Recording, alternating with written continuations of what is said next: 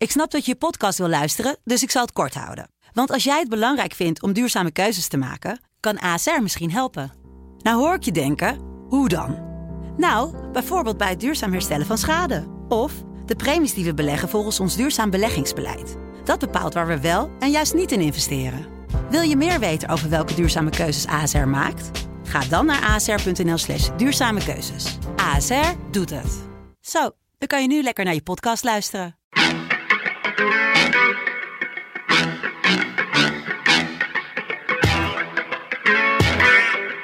Dit is, dit is het land van Wierde.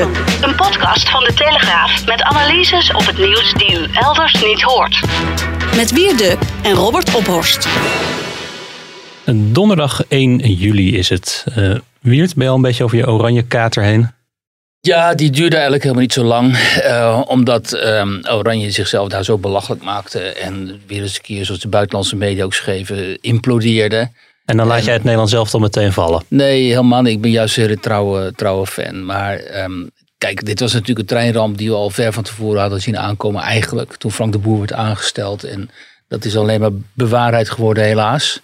Um, ja, en op het moment suprême, zoals het heet in het goed Frans, um, lieten die sterren het toch ook wel behoorlijk afweten. En, maar we zijn er vooral snel overheen gekomen, omdat we daarna zo allemaal van die waanzinnige wedstrijden hebben gezien, waarin mensen wel, of voetballers wel, heel erg uh, hun best deden en echt streden en ook gewoon en onmogelijk geachte resultaten precies, behaalden. voetbal lieten zien ook. Schitterend voetbal lieten zien. Vooral die Zwitsers ook. Was echt ongelooflijk. Zo goed als die waren. En uh, maar de Kroaten ook tegen Spanje. En, dus het was allemaal geweldig. En um, ja, en nu zijn we natuurlijk heel benieuwd wie de nieuwe bondscoach ja, maar, je, maar je, hebt, je, hebt, je hebt twee klappen te verwerken gekregen. Want je was natuurlijk ook wel fan van het Duitse elftal. Nou, die liggen er ook uit. Ja, dat, die, die zijn toch een beetje um, tegengevallen uiteindelijk. Hè. Ze hebben één hele goede wedstrijd gespeeld natuurlijk tegen Portugal. En toen ja. dacht ik van, ze hebben het weer te pakken. Maar ja, ik denk, ik vrees dat bij Duitsland dan toch inderdaad ook uh, het lange aanblijven van die uh, Jogi Löw, zoals hij heet, uh, zich dan ook wreekt dat hij toch niet meer die spelers echt voor zich meekrijgt. Nou, daar hebben we in Nederland gelukkig geen last van. Bondscoaches die heel lang Bij ons komen ze en gaan ze. Hè? die blijven één toernooi en dan mogen ze weer wegwezen. Dus laten we hopen dat, dat na Louis van Gaal, want die gaat ongetwijfeld het WK doen dat, die, dat er daarna dan een bondscoach zit voor de langere termijn. En een beetje jonger iemand die gewoon eh, verstand heeft van eh, moderne voetbal. En dan die ploeg weer op de rails kan krijgen. Ja. Het kan ook zijn dat Henk ten Katen bondscoach wordt hoor. Je weet het nooit tegenwoordig. Dus, uh, alle opties liggen open. Alle opties liggen open, ja. Um, nou, je had het net al even over Frans. We gaan het straks nog wel even over hebben over de Franse keuken. Uh, yes. en, want die uh, zou in en in racistisch zijn. Uh, we gaan het natuurlijk ook even hebben over uh, de Kaagdoku. Uh, maar laten we even beginnen met iets anders. Want geen bezorgde burgers, maar bezorgde leden. En VVD-leden in dit geval. Ja. Die hebben zich verzameld in het platform Klassiek Liberalen. Ja. Om de in hun ogen te ver naar links afgedreven koers van de VVD-top bij te sturen naar rechts. Jij schreef daar vandaag een stuk over in de krant. Eventjes, we weten dat Rutte is altijd bereid om met iedereen te praten. Mm-hmm. Of je nou uh, al, al, jarenlang VVD-lid bent, zoals deze klassiek liberalen, of, of van de gele hesjes of van uh, kick-out Zwarte Piet. De deur van het torentje. Uh, ja. deur van het torentje staat altijd open. Maar afgelopen maart is de VVD voor de vierde keer de grootste partij geworden bij de verkiezingen met 34 zetels. Rutte is nu ruim 10 jaar premier. Hoeveel reden heeft, hebben hij en de partij top om zich door om door deze leden van koers te veranderen? In Nederland. Nou, kijk, die partij uh, is uh, Mark Rutte geworden natuurlijk voor een heel groot deel. En uh, die partij is voor een heel groot deel opgeschoven naar links. Um, en deze mensen die zeggen, ja, wij kijken verder dan de periode Rutte. Dus we kijken ook verder dan eventueel Rutte 4.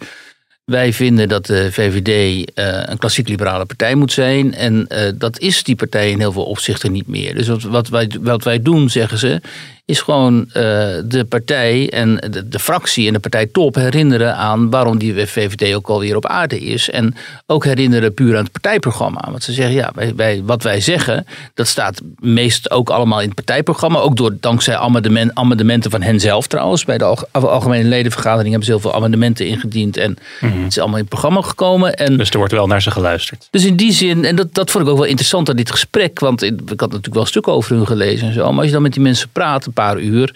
Ehm, dan merk je dat, ehm, dan hoor je wat zij zeggen, namelijk dat binnen die VVD, zeggen zij, is dit soort discussie gewoon heel normaal.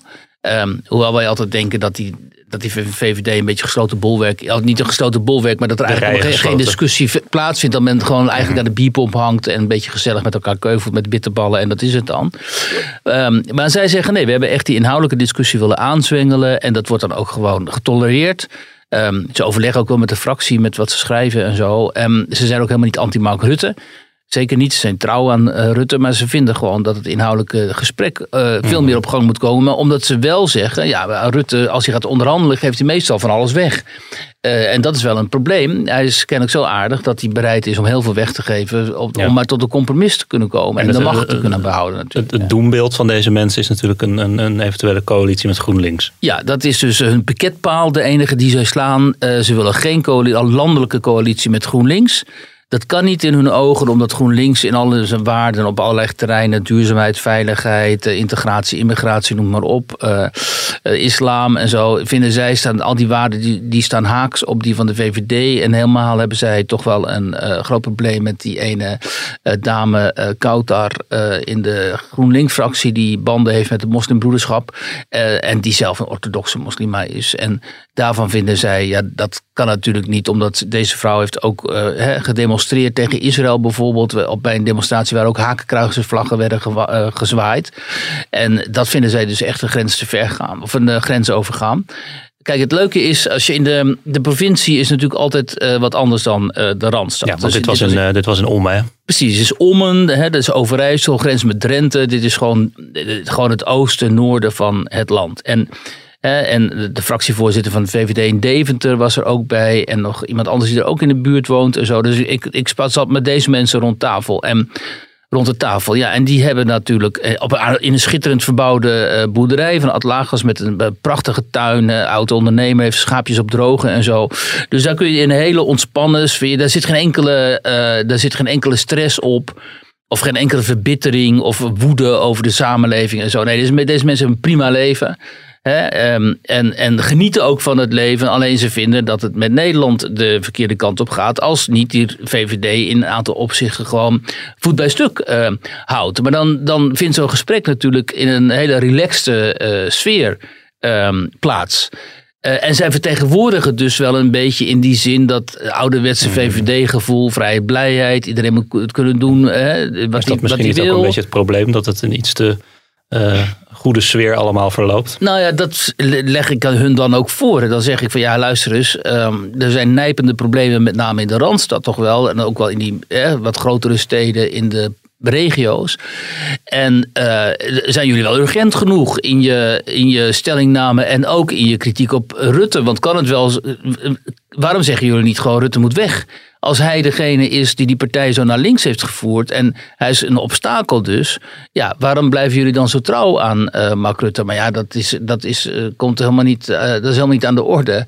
Hè? En, want zo zijn ze niet. En, bedoel, het is dus, en dus hebben ze ook heel erg geen sympathie voor Forum voor Democratie of zo, of de PVV, die natuurlijk veel scherper aan de wind varen en af en toe ook over grenzen gaan en zo. En willen zij als, zij zeggen, ja, wij als liberalen willen daar helemaal niks van weten. Terwijl er toch ook een heel groot deel van de kiezers is geweest, althans, en misschien nog wel is, dat toch wel die afslag heeft gemaakt. Bijvoorbeeld naar eh, Forum voor Democratie. Hè. Ik ben in het begin, toen die partij nog niet zo lang bestond, wel bij die congressen geweest. En dan zat toch een hele zaal vol met precies dit soort mensen eigenlijk. Hè. En een beetje een klein deel, een beetje wat randfiguren. Maar het overgrote deel van die mensen die bij die congressen van Forum waren. Dat waren gewoon eigenlijk ex-VVD'ers. Dat waren ook dit soort mannen, middelbare leeftijd. eh weet je wel, eh, vrije tijdskleding. eh, je kent het wel, schaapjes op drogen vaak. En ehm, die dan opeens vielen voor Thierry Baudet en Theo Hiddema. Omdat zij, ja, omdat zij toch ehm, die, die ruk naar links van de VVD... ehm, da- daar een, een andere conclusie aan verbonden. Maar het interessante van deze klassieke liberalen toch wel... die overigens in de media ook best wel belachelijk worden gemaakt vaak. Zoals in de Volkskrant en zo. Dan zie je allemaal van die hè, wat, wat, wat eh, ridiculiserende stukjes. Wat, heel, wat ik niet snap, want dit zijn gewoon... Dit, deze mensen, dit zijn gewoon... Weet je wel, Nederlanders van die generatie 50ers, 60ers. Het zijn geen randfiguren. Totaal niet. Die hebben gewoon het land opgebouwd. Mede opgebouwd natuurlijk, deze mensen. En die moet je gewoon serieus nemen. Ook eh, hun politieke eh, inzichten. En ehm, eh, wat ik wilde zeggen is, kijk, ehm, of dat gaat lukken dan, die ruk naar rechts is het dan? Dat is mij helemaal de vraag. Omdat ik de indruk heb dat eh, jonge VVD'ers, ook die, diegenen die nu in de fractie zitten in de Tweede Kamer, dat die toch allemaal wel een soort van eh, eh, D66-achtig gevoel hebben vaak, weet je wel. Ze zouden eigenlijk net zo goed bij D66 kunnen zitten. En de jonge generatie, dus de twintigers en zo, ja, die stemmen volgens mij, als ze rechts stemmen, gaan ze wel automatisch naar Forum. En, en misschien PVV minder, maar volgens mij veel naar Forum voor Democratie. Uh, en, als, en als ze linksig zijn, zitten ze natuurlijk gewoon bij D66, GroenLinks en zo, Volt tegenwoordig. Hè. Dus ik, ik, ben heel benieuwd hoe die partij er over tien jaar uh, bij ligt. Dan uh, eens kijken waar die, uh, waar die dan staat. Wie, wie, wie, wie het woken week. I'd like to tell you about the idea of food whiteness in French culture. By this I mean the use of food to reinforce whiteness as a dominant racial identity. The French meal is often presented as a national ritual to which every citizen can participate equally. But French foodways are shaped by white, middle, and upper class norms. Yeah, um, Ja? Jij kijkt mij aan, verbijsterd. nou ja, zo van, wat hoor ik hier? Ik hoor, toch een beetje bijna mijn eigen hersens uh, kraken hier. ik zat diep na te denken hoe ik dit nou, uh, ja, wat deze vrouw nou precies bedoelt eigenlijk. Deze vrouw, en dat is vaker het probleem met intellectuelen. Um, ik dacht je ging zeggen met vrouwen. Nee, nee, nee, niet met vrouwen. Je hebt ook mannen die dit zouden kunnen zeggen. Dit is dus een uh, professor en die beweert dus um, dat de Franse culinaire traditie, want daar komt het op neer, dat die, um, uh, dat die dom dominant wit zou zijn. En dat uh, de manier waarop die traditie dus wordt gevierd in Frankrijk en ook wereldwijd eigenlijk wel wordt verbreid, hè, want we hebben allemaal iets met die Franse mhm. keuken, dat het eigenlijk een vorm van imperialisme is en van white privilege en al die andere termen uit die critical race theory. Dus dat uiteindelijk dus de Franse cuisine zoals we die kennen, dat die in zichzelf racistisch hmm. is.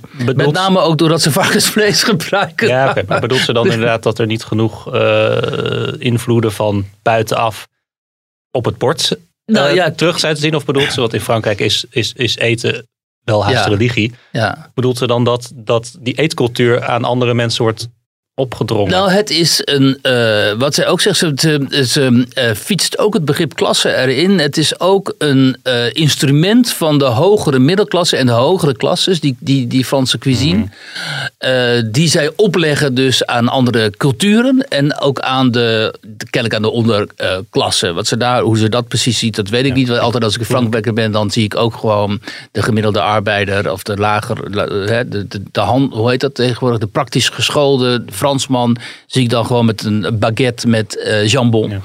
Uh, sandwich uh, au jambon heet dat. Hè? En, um, dus um, voor zover dat Frans culinair is. Maar um, kijk, het punt dat zij hier natuurlijk maakt en wat niet klopt, dat is dat zij vindt dat er dus kennelijk te weinig Oosterse of Arabische of andere specerijen en zo gebruikt worden in die Franse keuken. En misschien ook wel rijst en zo.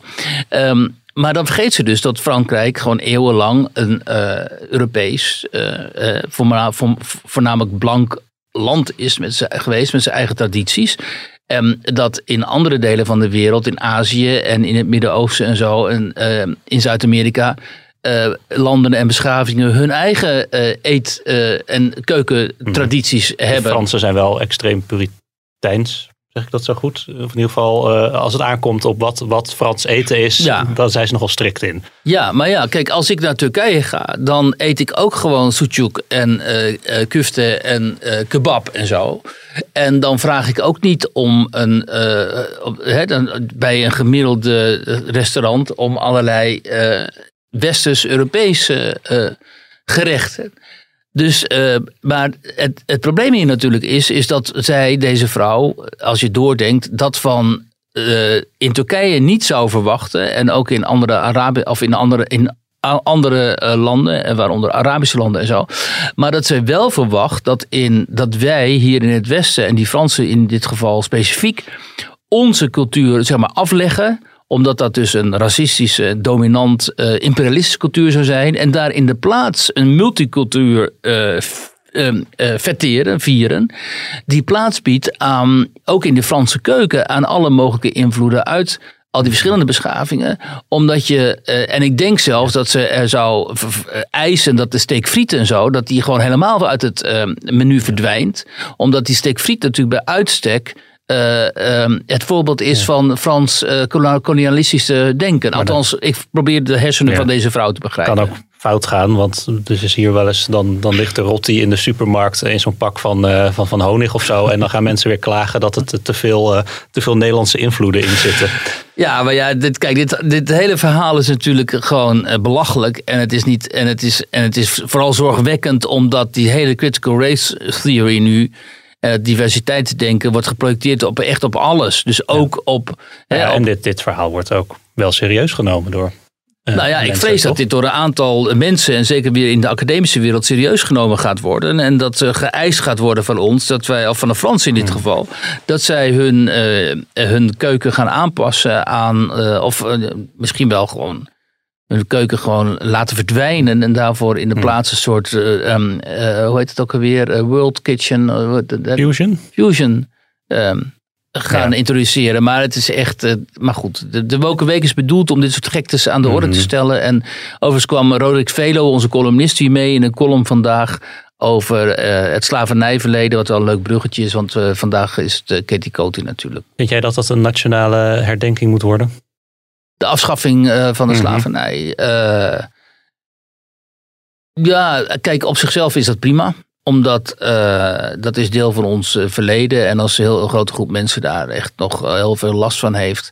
Dan kunnen we dat inderdaad als een, een nationale feestdag gaan introduceren. Misschien werkt dat verbindend. Maar wat natuurlijk ehm, het moet stoppen is die eis van herstelbetalingen. Hè, want dat zit daar telkens achter.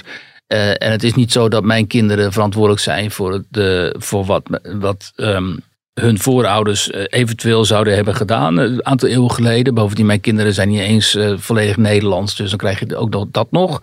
In hoeverre dragen, dragen zij dan in hun genen, zeg maar, die, dat slavernijverleden met zich mee. En, uh, en verder zou het toch fijn zijn als de mensen die uh, zich hier zo mee bezighouden, met die slavernij, met die herstelbetalingen en zo, um, daar toch enige, met enige distantie naar zouden kunnen kijken, zonder dat zij zichzelf ook in die slachtofferrol uh, wentelen. Want dat is natuurlijk het, het lastige hieraan, dat we het telkens hebben over uh, zogenaamd over slachtoffers en daders.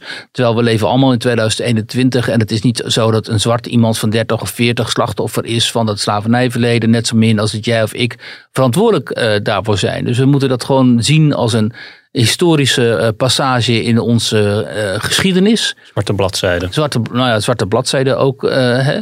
En, uh, en we moeten ook uh, eerlijk zijn in de behandeling, historische behandeling van de slavernij. En daar ook uh, onderkennen dat er ook een heel groot deel Arabische slavernij is geweest vanuit Arabische landen. En dat bovendien zwarte Afrikanen ook gewoon zwarte Afrikanen hebben verhandeld en verkocht. Dus het is niet een exclusief blank, mm-hmm. blanke zwarte bladzijde. Het is een zwarte bladzijde van al die volkeren en al die beschavingen. En het interessante juist aan de onze hè, Europese en Amerikaans, Noord-Amerikaanse uh, uh, landen en beschaving is dat wij ons daar wel degelijk rekenschap van willen geven. Terwijl dat bijvoorbeeld in de Arabische wereld, naar mijn weten, helemaal niet het geval is. Mm-hmm. Um, daar vindt bovendien nog altijd slavernij plaats. Dus het zou goed zijn als die activisten zich hun, hun blik ook eens een keer mm. op die landen zou gaan richten. Maar zou zo'n nationale feestdag dan bijdragen aan die discussie en het voeren van die discussie? En ik hoorde gisteren daarover discussie op de radio. En een meneer, ik weet niet precies wie, die zei van nou, lijkt me niet. Omdat de, dit hele debat is al zo gepolariseerd. Als je er ook nog eens een keer een nationale feestdag van maakt. Dan dreig je die groepen nog, nog meer tegen elkaar op te zetten. En zijn tegenstander of opponent um, had een ander verhaal wat helemaal niet sterk was. Want dat ging weer helemaal over op emotionele uitspraken en zo.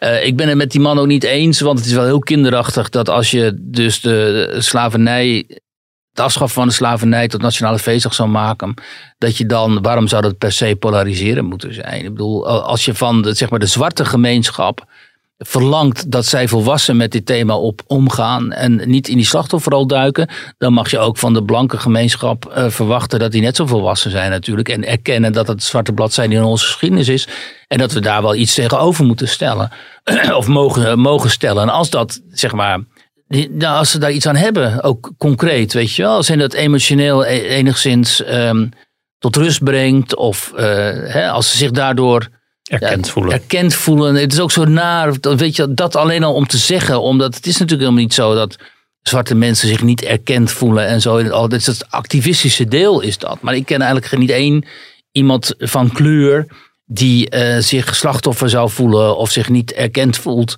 Eh, dat zijn vooral die mensen, die mensen van kleur, zoals het tegenwoordig heet, die in de academie werken of in de media. Of die gewoon hele geprivilegeerde posities eigenlijk innemen, sociaal-maatschappelijk. Maar zich tegelijkertijd toch heel erg slachtoffer voelen, weet je wel. Dat is gewoon beroepsactivisme. Eh, daarin, eh, en onder de mensen die ik ken en die ik spreek, gewoon ouders van kinderen op school en zo, kom ik dat eigenlijk helemaal nooit eh, tegen. Ook niet dat gevoel van permanent gediscrimineerd te worden. Dat- niet. Kinderen spelen toch ook met elkaar, die ouders gaan met elkaar om en zo. Dus het is allemaal eh, volgens mij een heel erg geconstrueerd probleem. Maar goed, als hen dat dan enigszins zou ehm, bevredigen in de zin dat aan hun wensen tegemoet komt, ja, dan kun je dat, eh, dan kun je dat doen. En dan vind ik niet dat de, de blanke bevolking, het blanke bevolkingsdeel, om ook maar eens mee te gaan in het hele rassendenken, ehm, zich eh, daardoor zou moeten laten opwinden. Weet je. Dan kun je ook wel gewoon een beetje rustig daarop reageren. Je moet er een eh, referendum over houden. Al is dat ook niet altijd. Ja, maar dat ook niet altijd bij aan de, blanke minister is het afgeschaft, helaas. aan de- ja, al, al helpt het ook niet altijd tegen polarisatie. Een blanke mevrouw met heel veel Ja. white privilege heeft het referendum afgeschaft. ik moest trouwens nog even denken over die Franse keuken. Ik had een tijdje terug een boek gelezen van Bill Ja. Amerikaanse journalist. Het boek heet Dirt, of in de Nederlandse vertaling We Chef. Eh, hij verhuist dan met zijn gezin naar Lyon. Ja. Met als doel om eh, daar eh, in de wereld van de Franse sterrenchefs Ja, opgenomen ja. te worden. En dat, dat lukte hem uiteindelijk ook. Maar nou, dat geeft wel een mooi beeld van hoe, hoe heilig die Franse keuken is. Overigens is er ook een verder discussie of in hoeverre de Franse keuken afstamt van de Italiaanse keuken. Ja. Gevormd is door de Italiaanse keuken. Nou ja, goed.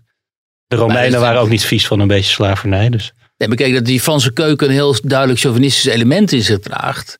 Ja, dat staat natuurlijk buiten kijf. En, eh, maar om dan zover te gaan dat het racistisch zou zijn of, hè, of intrinsiek imperialistisch, ja, dan kom je in een heel erg eh, politiek activistisch jargon terecht. Wat helemaal niet past natuurlijk op, op dit soort maatschappelijke fenomenen, weet je wel. Dat is gewoon, dan projecteer je daar een beeld op en een context op die daar helemaal niet bij past. En daarom is het ook eh, daarom gaan jouw hersenen ook kraken onmiddellijk. Omdat je denkt, niet snapt waar komt dit nou vandaan? Hoe kan dit, het een past niet op het ander? En toch wordt dat door iemand dus met een professorale functie gewoon ijskoud gedaan. Dat is het, het heftige hieraan eigenlijk. Hè? Er is ook een beetje dat over een jaar bij dit soort fragmenten dat ik dan precies snap wat er bedoeld wordt. Nou, dat zou heel ernstig zijn, ja. Dus, eh, maar dat zeiden die klassiek liberalen. Nu hebben we een bruggetje naar elk thema. Die klassiek liberalen ook, die zeiden, die dat hele woken gedoe, dat vinden wij eigenlijk toch wel een hele grote bedreiging. Dat, dat vinden we allemaal heel erg naar. Dus daar is ook ideologisch, daar botsen we ook echt eh, daarmee. En, dat, eh, en dat, draait, dat dringt natuurlijk op dit moment gewoon door, ook in die linkse partijen, bij GroenLinks en bij Partij van de Arbeid. En heel erg bij de media, dat zullen we zo meteen ook wel gaan behandelen. Ehm, dat is wel inderdaad de strijd die gevoerd moet worden, vinden zij. Er is eh, sprake van een onafhankelijke maker. D66 heeft geen betrokkenheid bij of invloed gehad op de documentaire. Was getekend eh, mediaminister Slop op 18 december 2020 in antwoord op Kamervragen van eh, PVV-Kamerlid Bosma. Ja, dat ging natuurlijk om die, eh, om die documentaire Die is in zijn pak genaaid, die eh Arie Slop. van Beirut tot Binnenhof. Ja, mij is verzekerd dat het een zuiver journalistiek product is. Dik zit NPO-baas Shula Rijksman nog geen tien dagen daarna. En D66-lid, hè? Ja, en hij is stemmer in ieder geval, is ook lid. Nou, ze stemt D66, ja. Eh, en eh, nou ja, eh, deze week nog het bijsturen op inhoud is volgens Kaag niet haar idee geweest. Dat is niet op mijn verzoek gebeurd. Ik heb niet gelezen wat ze allemaal doen. Ehm, nou, aan het eind van de dag eh, gaf ze toch toe dat ze zich ermee bemoeid had. ja. De Heeft- Kaag-docu. Ja, de, de Kaag ook. Heeft iedereen nou gewoon een half jaar lang zitten duiken, liegen, vingerwijzen. Om vervolgens eh zover in het nauw gedreven dat het echt niet meer anders kon. En ze moesten toegeven dat er toch eh, Mooi, hè? wel degelijk bemoeienis bij is geweest. Ja, ten eerste moeten we hier ehm, eh, erkennen dat hier dus een burgerjournalist het werk heeft gedaan dat wij helaas hebben nagelaten door die eh, stukken te wobben. die correspondentie tussen de, de makers van die documentaire over Sigrid Kaag. Heet het niet Hare Majesteit Sigrid Kaag? Of nee, hij heette net iets anders, hè? De minister van Hoop. Oh, minister van Hoop, ja. Ja, heet Dat was, niet ook, zo? dat ja? was ook nog een. Nou, nee, zo, hij, maar dat was ook nog een punt in de, in de correspondentie. Ja. Dat, eh, dat op een gegeven moment werd zij dan, geloof ik, door die documentairemakers. Dat die minister van Hoop, die, dat werd toegeschreven aan D66. Maar toen zeiden zij, dat hebben wij nooit zo zelf eh, gemunt, die Ja, term. maar dat ja. hebben anderen hebben dat. Oh ja, natuurlijk. Ze wordt gezien als de minister van Hoop. Door heel Dan Nederland. moest het eh, aangepast Ja. worden. Ja, maar goed, dit was, dit was inderdaad gewopt door een... Door een reaguurder bij Geen Stijl, of een lezer van Geen Stijl. En die heeft vervolgens doorgesluist naar Bart Nijman van Geen Stijl. Die had er een stuk over. En het stond ook op de, op de website natuurlijk, waar, die overheid, waar de overheid die WOP-verzoeken dan plaatst. En eh, toen had eh, onze collega Elif Issetman, die had het ook gezien. En die had dat, eh, daar ook Ja. een stuk over geschreven. En toen ging het aan het rollen, Ja. deze kwestie. Maar een half jaar geleden was er al een hoop gedoe om deze documentaire. Van Ja. hoe, hoe, hoe onafhankelijk is die? Eh, hoe hoe toevallig is die timing vlak voor de verkiezingen? En is dit, is dit nou een D66-pamflet of een journalistiek product? Nou, toen is dat allemaal be- ons bezworen dat dat eh, onafhankelijk en journalistiek eh, eh, allemaal ja, onder de andere door, de- door de voorzitter van de VPRO, die voormalig campagneleider is van D66. Ja, en wat blijkt uit die, uit die gewopte stukken? Er is tot op extreem detailniveau door het D66, maar ook door het ministerie van Buitenlandse Zaken. Ingegrepen er- eigenlijk. Ja, ingegrepen Ja. en mee bemoeid. En dat is ook ingewilligd door die documentairemakers. Want dat is nog één ding, dat je zegt van, kan dit aangepast worden? Maar er was, vonden ook een gewillig oor. Ja, en het aller, eh, grappigste en, en, en, en ook wel zorgwekkende was natuurlijk dat verzoek om die autogordel te photoshoppen. Ehm, en daar zijn notabene B, twee bedrijven hebben daar vervolgens, want, want Sigrid Kaag droeg geen autogordel op de achterbank. En, eh, eh, en men dacht dus, daar gaat ze problemen mee krijgen. Ehm, en toen hebben, zijn er dus twee bedrijven benaderd eh, door de makers om te kijken of het zou kunnen. Dus dat je gewoon de waarheid zodanig geweld aandoet dat je dus een minister een autogordel aandoet in de auto. Nou, dat kon blijkbaar niet. En toen hebben ze toch maar die beelden uitgezonden. En het- het- wat ook heel veelzeggend is, dat zijn dus die beelden waar wij het wel hier wel vaker over hebben gehad. Waarin eh Dwayne van Diest, dat, is de, haar, eh, dat was destijds eh Sigrid Kaag's persoonlijk assistent. ehm, ziet dat Forum voor Democratie het heel goed doet in de peilingen of zo. Of ze hebben gewoon hele goede verkiezingsuitslagen geboekt. En hij verbaast zich daarover. En dan zegt mevrouw Kaag zegt tegen hem: Wie zijn die mensen? Hè, dat is een gevleugelde uitspraak inmiddels geworden. Die wordt ook vaak geciteerd op alle, vooral op. Twitter, ook wel door mij.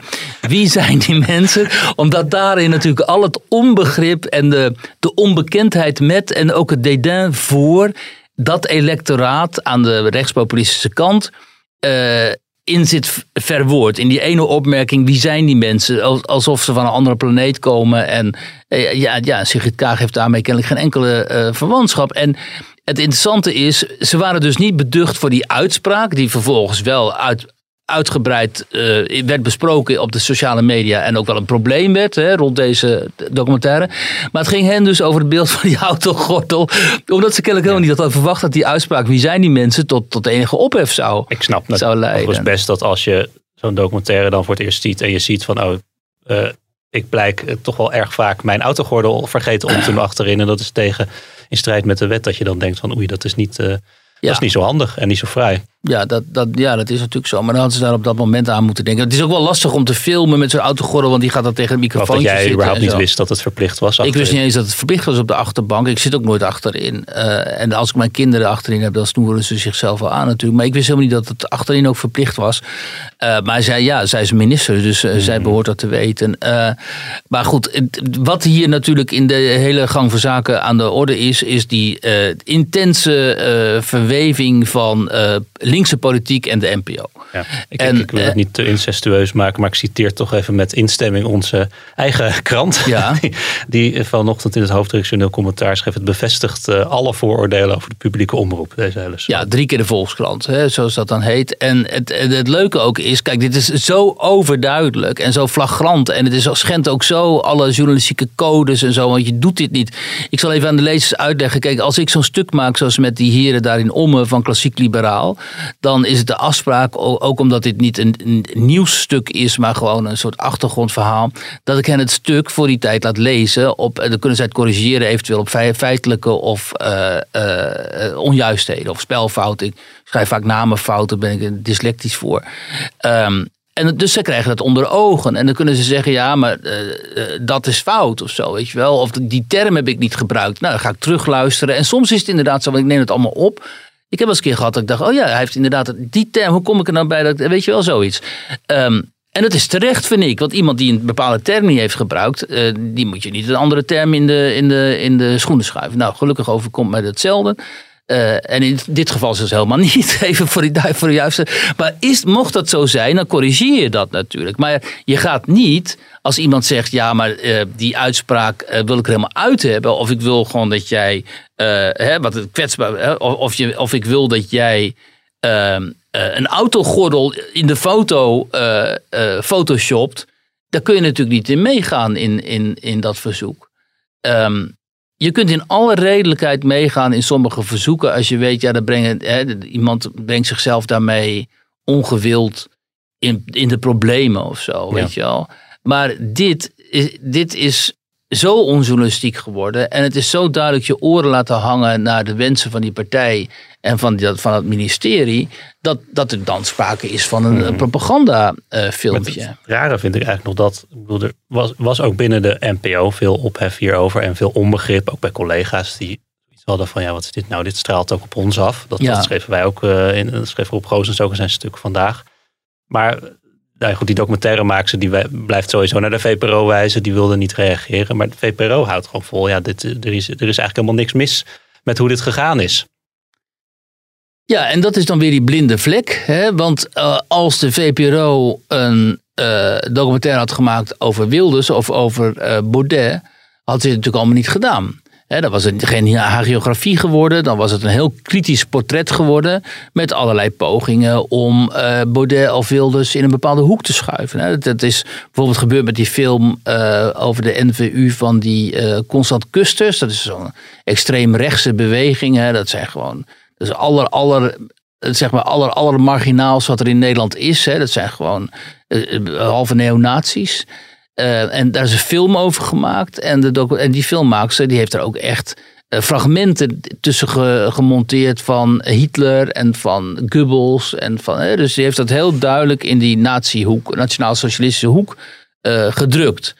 Wat voor die kusters niet eens een probleem was, want hij vond elke publiciteit wel leuk. Dus dit vind, vond hij ook prima. Maar um, uh, maar nu is hier dus over uh, Sigrid Kaag een soort hagiografie gemaakt. Dat is duidelijk. Hè? Uh, vervolgens in een tijd uitgezonden waarin een heel erg groot deel van de publieke omroep onmetelijk veel tijd aan mevrouw Kaag bood. Hè. Er moest echt een soort dichotomie ontstaan. Dus een soort um, strijd ontstaan tussen Kaag en Rutte, vond men. Zoals het ooit moest ontstaan tussen Klaver en Rutte. Dus Jesse Klaver is, was van toneel verdwenen. Nu moest eh, Sigrid Kaag het invullen. Ehm, een programma als Dit is M ja, pushte haar gewoon, weet je, onbeschaamd. En in die talkshows, al die pratende hoofden die daar zaten, niemand die zei van ja, weet je, hoezo eigenlijk? Want wie is zij? Waar komt ze vandaan? Heeft ze wel een relatie tot de Nederlandse samenleving en zo? Geen enkel kritisch geluid bijna, behalve misschien van onze mensen aan tafel. En um, dus de, de, de inzet was heel duidelijk, wij willen Sigrid Kaag premier maken. En bij zo'n Dit is M gebeurt het gewoon out in the open. Dan kan iedereen zien wat daar gebeurt. Maar ze zullen nog, maar en daar wilde ik eigenlijk naartoe. En dan nog zullen ze het ontkennen. Net zoals de VPRO dit nu ontkent. En dat is zo interessant altijd. Dat zie je ook op Twitter, hè? al die mensen uit zoveel mensen uit linkse hoek, die zeggen: ja, waar, is, waar gaat dit nou helemaal over? Waarom is hier ophef over? Wat, wat is er eigenlijk? We snappen niet wat er aan de hand is. Omdat dit pusht zo duidelijk hun eigen verhaal en hun eigen narratief, waarvan zij denken dat dit het enige mogelijke verhaal is. Hè? Alle andere verhalen over politiek en over Nederland en over maatschappelijke indeling en over wat we verder moeten met Nederland in de toekomst en zo, zijn in, in hun ogen verdacht. Iemand als Sigrid Kaag heeft het enige juiste verhaal. En wat daar, wat daar rechts van zit, is al onmiddellijk extreem rechts. En wat daar links van zit, vinden ze dat zijn dan uh, mensen die het licht nog niet hebben gezien. Die moeten ook allemaal richting D66 opschuiven. En uh, de SP en zo, dat vinden ze allemaal een beetje tokkies. Nou zijn die omroepen natuurlijk ook wel opgericht om een bepaalde stroming te vertegenwoordigen. Eh, ja, dat is zo. Eh, maar, maar kijk, maar dan, de, de, en toch is, dat is wel zo. maar KRO NCV is niet ooit opgericht om linkse uh, politiek uh, te gaan vertegenwoordigen. Hè? Dat was gewoon een, uh, een, een protestants-christelijk-katholiek volksdeel zat daar. En dat is die KRO-NCV. Ja, KRO-NCV is ontstaan uit een fusie, uit een soort halfslachtige poging. Nee, nee, maar kijk, jij zegt om, omroepen ja. zijn hierom opgericht. Nou, als we dan gaan kijken, waarom, zijn die, waarom is die KRO-NCV opgericht? Omdat, omdat protestants-katholieke volksdeel een stem te geven. En heb je een, maar die hebben een programma als Dit is M. Wat dus een totaal woke programma is. Wat uh, Sigrid Kaag pusht. Dat zou je verwachten, eventueel bij de VARA, waar ze niet voor niks uh, overigens Fidan Ekers hebben ontslagen. Hè? Want, of ontslagen, in ieder geval uit die show gehaald. Omdat zij uh, ook meningen had die niet corresponderen met dat, dat, dat linkse uh, van de VARA. Want die gaan weer om, samenwerken met Omroep Zwart. Nou, die gaan dus ook die woken kant op. Dan heb je, kun je niet iemand in je programma, of niet iemand hebben die een programma leidt, die ook een beetje af en toe rechtspopulistische opvattingen erkent. Of in ieder geval um, de, de waarde daarvan erkent. Of het bestaan ervan niet onmiddellijk aanvalt. Snap je? Um, dus, dus die, die BNN-VARA, uh, KRO, NCV, VPRO, die zitten dus helemaal in het linkse gedachtegoed wat nu is overgenomen door, door Woke. En dat zien zij dat vinden zij volstrekt normaal. Iemand en omroepen die dat niet doen, of mensen die niet zo denken, die vinden ze gewoon een beetje achterlijk. Weet je wel, daarvan denken ze, ja, je, bent, je moet je emanciperen. Dus die, die reactie van die VPRO-meneer, die overigens gewoon de oud-campagneleider eh, was van eh, D66 ook. Ja, die is dan heel vanzelfsprekend. Die denkt, ja, wat is hier mis mee? Die is overigens nog steeds wel lid van de partij. Ook van GroenLinks, zegt hij. Ja, dat las ik, ja. Ja, maar hij is niet meer politiek actief. ja, nou ja.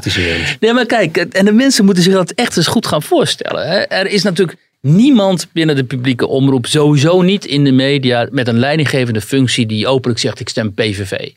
Er is niemand die openlijk zegt, ik stem Forum voor Democratie. Niemand. Dus er is niemand met macht in de publieke omroep, nog in andere media, die uh, uh, dat volksdeel, zeg maar, ondervertegenwoordigd ook. En die kan zeggen, ja, maar ik wil gewoon eens een keer een echt een goede documentaire over Geert Wilders. Weet je wel? Um, uh, en als, het, als Wilders dan bezwaren gaat maken tegen hoe het gesneden is en zo. Ja, dan gaan wij daar vanzelfsprekend in mee. Weet je wel? Zoals die VPRO-meneer uh, dan doet. Dat is onbestaanbaar. ook niet bij WNL, ook niet bij Poont. Dat is ook helemaal woke geworden en zo. En, en WNL is gewoon vrolijk VVD.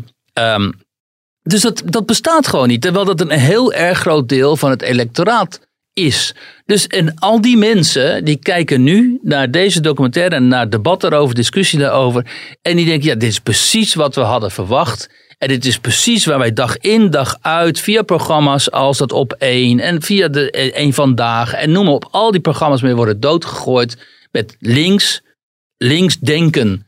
En uh, en nu zien ze ook nog eens, en dat is het schadelijke hieraan, en dat is wat uh, Jan Akjol ook wel goed, die overigens zelf onderdeel is van het complex, maar die zag het wel goed.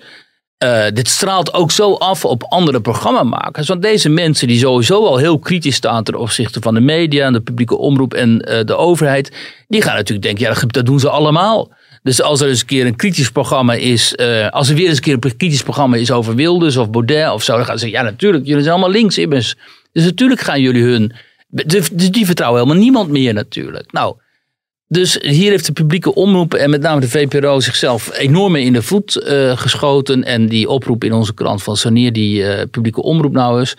Ja, ik bedoel, ze maken het er ook wel zelf naar, weet je wel. En goed, ik vind ook. Um, uh, maar ja, ik, ik, ik, kijk er ook voor een groot deel helemaal niet, maar, niet meer naar. Want het, ik kan me ja, er zijn een aantal goede programma's, maar voor de rest al die talkshows en zo. Eh, dan eh, zit daar weer Angela de Jong die iets mag zeggen over deze kwestie en zo. En op een gegeven moment houdt het allemaal wel op natuurlijk. De ombudsman van de NPO gaat, gaat nu onderzoek doen, uh, heeft ze aangekondigd. De VPRO wacht dat met vertrouwen af. al dus, al ja, dus eigen vlees, als je eigen vlees gaat Gaat er, even over die oproep, wanneer de NPO, gaat dat, gaat dat gebeuren? Gaat er iets veranderen? Is dit het begin van een, nee, van een niet. kentering? Nee, wel nee, want eh, die uh, politiek eh, die vindt het allemaal veel te belangrijk. En uh, die wil allemaal een vinger in de pap en zo. Dus, Slop is ook een echte rouwdouwer natuurlijk. Ja, dus, weet je, die hele politiek, dat hele kartel zoals, zoals Baudet dat noemt. Dat is veel te veel betrokken bij die publieke omroep en ook afhankelijker van deels. En, maar het zou mooi zijn als wij, uh, als dat, dat hele omroepengedoe werd afgeschaft eigenlijk, want dat is natuurlijk allemaal onzin. En als gewoon twee netten kwamen met uh, kwaliteitsjournalistiek. Ja, gewoon een goede publieke omroep. En dat je de rest, eh, al die flauwekul aan spelletjes en zo, dat je dat dan aan de commerciële overlaat. Kunnen mensen daar naartoe. En dan kan die publieke omroep eens een keer volwassen en ook interessante functie gaan vervullen. Maar ja, dan, dan moet je ook zo'n kwaliteitsslag maken in heel veel opzichten. En hele andere mensen vaak aanstellen en zo. Dus de discussie houdt zo niet mee op. Hè. Dat zie je in Engeland, waar de, de BBC ook eigenlijk continu een onderwerp van discussie is. Ja, en die BBC heeft zich de afgelopen jaren helaas ook ontwikkeld tot een half woke uh, uh, propagandakanaal. los van alle enorme kwaliteiten zo die ze hebben. Maar in politieke zin hebben ze zich natuurlijk ook heel erg laten kennen vaak. En uh, dus dat, dat zorgt in het uh, Verenigd Koninkrijk voor dezelfde ellende als, uh, als bij ons. Dat heel veel burgers die BBC zijn gaan wantrouwen. En dan hebben die BBC heeft ook nog eens een keer te kampen gehad met die, die MeToo-affaires en zo. Mm -hmm. Dus dat is ook een beschadigd bolwerk. Al dat soort instituten zijn de afgelopen jaren enorm beschadigd geraakt. Mm, ja, en het straalt dat wantrouwen in die publieke omroep dan ook nog af op, het, op bijvoorbeeld de overheid? Ja, dat is hetzelfde wantrouwen natuurlijk. Hè? De, de, overheid, politieke partijen, onderwijs, eh, media, publieke omroep, die worden allemaal hè, nu ook het, het, gezondheidscomplex, zoals dat dan heet, vanwege COVID en de, de vaccinaties, die worden allemaal met hetzelfde type wantrouwen uh, bejegend. En een groot deel van de, de rechtelijke macht, en een groot deel van die instituties heeft het er ook zelf naar gemaakt, helaas. Ofwel door hele vreemde afslagen te nemen, of door gewoon niet openlijk niet objectief te zijn, of door openlijk corrupt te zijn, of uh, door heel duidelijk een bepaalde politieke agenda uit te dragen. Ja, of en te, zo. te, laten onderzoeken of je een autogordel uh, in een beeld kan nou, shoppen. Dat, dat, is gewoon corrupt, vind ik. Zou daar nog een factuur van zijn? Of zou dat een gratis uh, onderzoek zijn geweest van die twee bedrijven? Uh, ja, het stond wel in die e-mails. Twee, twee bedrijven ja. zijn benaderd ervoor. Hè? En die, maar goed, die konden het niet uitvoeren kennen. Of toch even, gingen toch iets boven nou, Misschien hebben ze wel kosten gemaakt om het, om het te onderzoeken of het kon. Um, nou dat was ook nog interessant dat een heel groot deel van de kosten voor die documentaire, iets van 150.000 euro of zo, dat is dan een deel van de, van de totale kosten. Die waren dan ook nog eens een keer door een fonds uh, verstrekt. Wat ook weer rechtstreeks contact had met die, met die omroep. Dus dan denk je ook, dat was ook, het werd ook nog eens een keer min of meer door zichzelf uh, bekostigd, uh, zeg maar. Dus ja, het is heel erg ons kent ons. En um, um, nou ja, dat leidt tot dit, waarschijnlijk tot dit soort excessen dan. Het uh, hardlooprondje van uh, veel luisteraars zal er weer bijna op zitten. hoeveel, uh, op hoeveel zijn we uitgehoopt? Bijna drie kwartier. Kijk aan. Heb je nog een afsluitende boodschap? Nou, wat ik net zat te bedenken is, en wat we nog zijn vergeten, is dat die kritiek op zich het Kaag door een aantal mensen wordt beschouwd als misogyn. In de zin van uh, Wouter Winter, onze politiek commentator, zou vrouwonvriendelijk zijn en daarom uh, die kritiek uiten. En ook andere media zouden dat doen, zoals Geen Stijl en zo. En dan ben je toch wel heel ver van het padje af. Weet je. Als je, het was natuurlijk helemaal geen verschil geweest als Sigrid Kaag Alexander Pechtold was geweest. Was de kritiek net zo luid geweest. En het is ook bovendien. Uh, veelzeggend als je dat type kritiek uit, omdat je dan kennelijk niet zo hoge verwachtingen hebt van, van vrouwen. Hè? Dus dan worden vrouwen kennelijk uh, uh, bekritiseerd alleen maar omdat ze vrouw zijn en niet vanwege hun eigen keuzes. Eigen keuzes en hun eigen daden. Dus dat is wel goed om dat nog even vermeld te hebben, denk ik. Wat, hoe onzinnig dat is. Waarvan akte. Uh, Wiert, dankjewel. Jij ook bedankt. En alle luisteraars ook bedankt. En graag tot volgende week.